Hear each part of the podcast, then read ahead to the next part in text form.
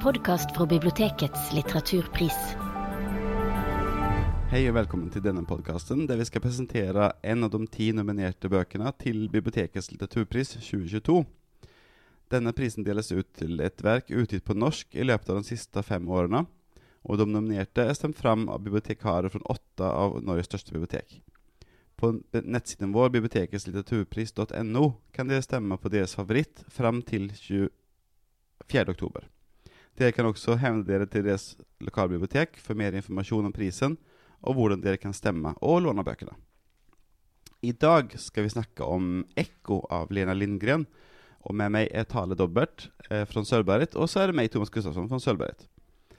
Klassekampen sier eh, sånn her om, om Ekko. Ordet essay kan oversettes til et forsøk eh, fra fransk, og med boken 'Ekko' gjør Lena Lindgren et særdeles imponerende forsøk på å stille samtidsdiagnose. Ja, Tale, kan du forklare hva dette er for slags bok? Jeg kan gjøre et forsøk, Mm. siden det er snakk om et essay. Så Lena Lindgren har eh, bygd boken opp rundt eh, to hovedårer. Um, den ene er myten om Ekko og Narsissus. Eh, den andre er om begrepet mimesis. Og det er jo veldig mange av oss som kjenner til myten om Nars Narsissus, men kanskje ikke så mange som har hørt om Ekko. Nei, helt enig. Um, Ekko var en uh, nymfe um, som snakket altfor mye. Mm. Og på et tidspunkt så ble hun derfor forbanna og mista evnen til å snakke. Hun kunne kun gjenta det andre sa. Em, og hun flakka rundt i skogene og, og måtte liksom nøye seg med den typen kontakt. og sant, gjenta det andre sa. Og på et eller annet tidspunkt så møtte hun på Narsissus og ble utrolig forelska, fordi Narsissus er jo som kjent billedskjønn. Mm. Og hun begynte å følge etter han og eh, gjentok alt han sa. Og til slutt så ba han henne om å komme fram, og når hun gjorde det, så skulle hun slenge armene om halsen på han, men da ble han så skremt av at hun var et fysisk vesen, at han støt henne fra seg. Så ødelagt av kjærlighetssorg så begynner kroppen til Ekko å svinne hen. Mm. Men hun fortsetter å følge etter Narsissus. Og Narsissus eh, begynner å bli tyst og bøyer seg ned over et tjern i skogen. Og ser da for første gang speilbildet sitt og blir ugjenkallelig forelska i Mm. det. Um, og dette er jo den delen av myten som vi kjenner veldig godt. Men eh, Ekko er der fremdeles, så hun gjentar alt Narsissus sier til sitt eget speilbilde. Mm. Eh, og, og virker sånn på han. Eh, og til slutt dør Narsissus fordi han, han kan verken spise eller drikke fordi han er så oppslukt i seg sjøl. Eh, mens Ekko fortsetter å eh, leve som et usynlig vesen. Mm. og det siste han sier, er eh, når han forstår at han, at han skal dø, at han sier 'farvel, min elskede', og så oppreper hun det. 'Farvel, min elskede'. Og det er liksom på en måte, for min del så det første gangen som hun får lov å si noe eh, som hun mener. Fordi hun alltid måttet opprepe det som han eller andre sier, da. Men denne gangen får hun sagt noe, for nu, han dør jo, og da får hun eh, sagt eh, farvel, liksom. Mm.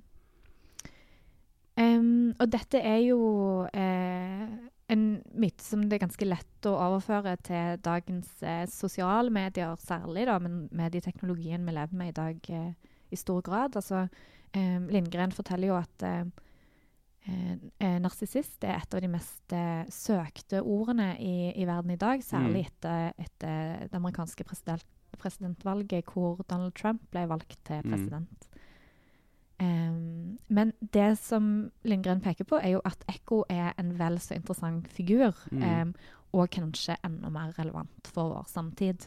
Ja, for hun kaller den tidsalderen for den egoistiske tidsalderen. Mm. Og da kommer vi egentlig naturlig inn på det neste begrepet du ville fortelle om. Ja, og det er da um, et begrep som heter mimesis, eh, som er um, Lindgren bygger da eh, mye av eh, argumentasjonen sin på en filosof som heter René Girard, Mm. em, som har undervist på Stanford University i Silicon Valley i USA. Mm. Um, og Gerard uh, bruker begrepet mimesis, som, er en, som kan oversettes med, med speiling eller kopi, kopiering, em, i fire, uh, fire trinn, da. Og han sier at uh, mennesket er, til tross for hva vi liker å tro, og kanskje naturligvis òg tror i det vi mange mener er narsis den narsissistiske tidsalderen, så er ikke mennesket så veldig individuelle. Mm. Vi er bygd opp sånn at vi er avhengig av et fellesskap, og vi eh, kopierer menneskene rundt oss. Um, så dette første skrittet kaller Gerard for mimetisk begjær. Mm. Og for å forklare hva det er, så kan man tenke seg eh, tilbake til barnehagen. Um, to barn eh, sitter og leker i sandkassen. Det ene barnet eh, går mot en leke et stykke unna. Og da begynner det andre barnet automatisk å òg gå mot samme leken. Mm.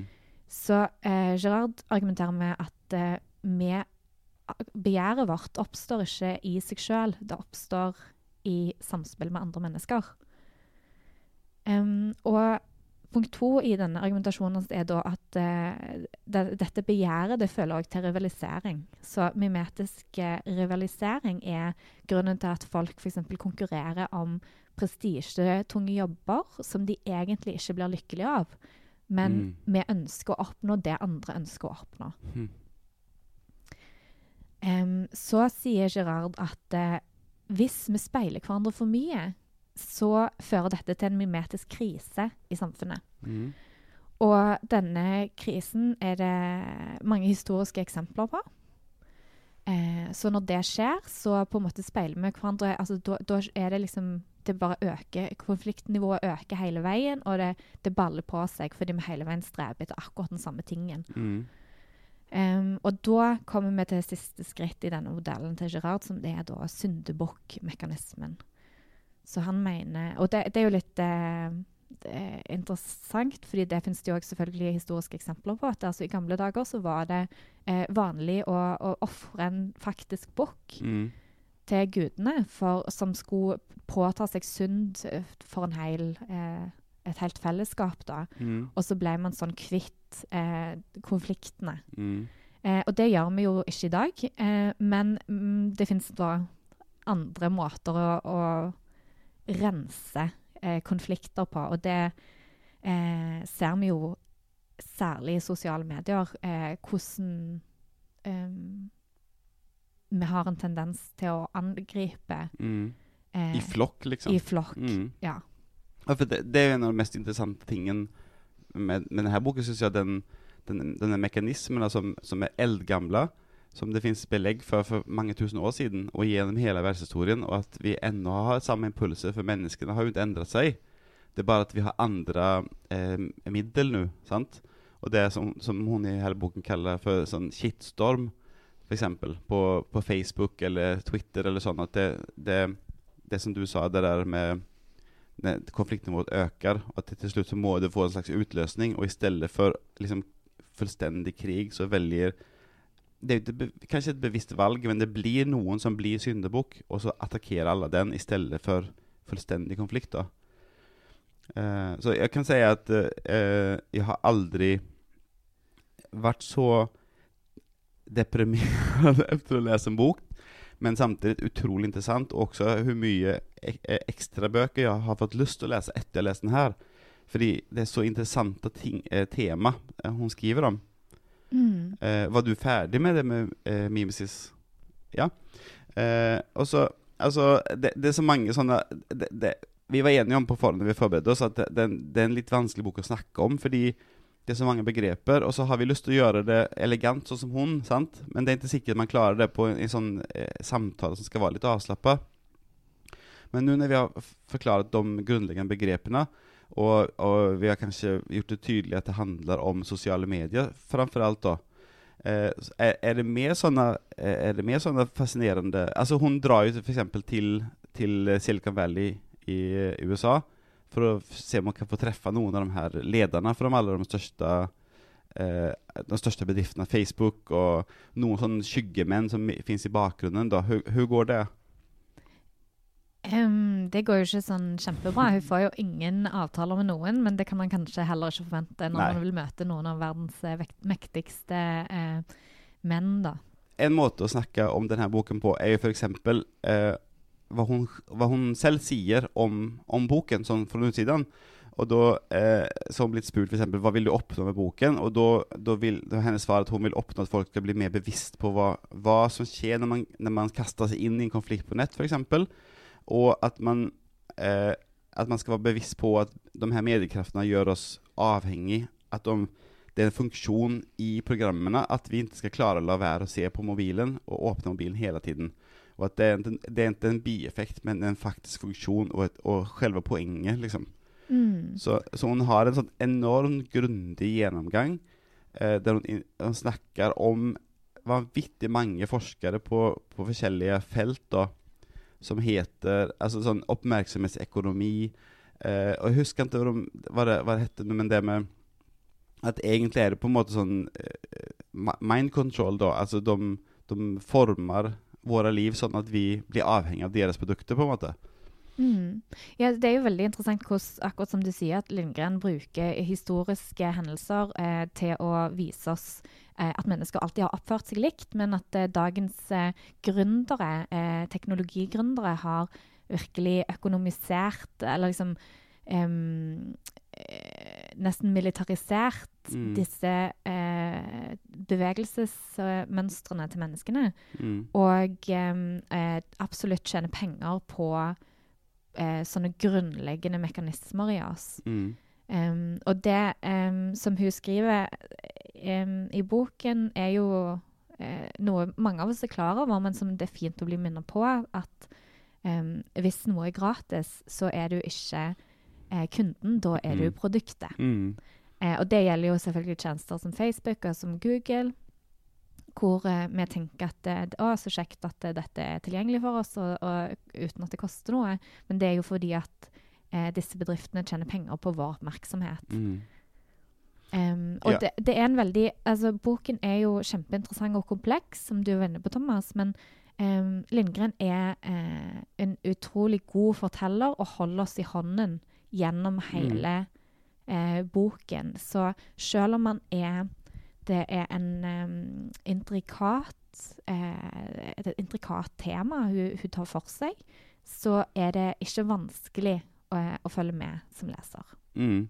Nei, jeg er enig. Altså, eh, og så er det sånne ting som på en måte Sånn som vi, når vi snakket om dette i går, så er det mange ting som man egentlig vet, men det blir konkretisert her. Sånn som at de her appene eksempel er bygd opp sånn at om du klikker på en ting, så får du med den tingen. Altså, du, så du, du Det blir forsterka, og, og til slutt så møter du bare folk som mener det samme som deg, i samme retning som deg, og at kanskje litt mer enn deg. Og så blir det, det noe som hun kaller for ekkokammer. At du på en måte bor i en verden der alle er enige. Og, eh, og så når du møter noen som er annerledes enn det, så blir det nesten som en sjokk. Og det har jeg vært med om selv. At du blir sjokkert når folk ikke er enige med deg, fordi at du er så vant med at alle rundt deg mener det samme.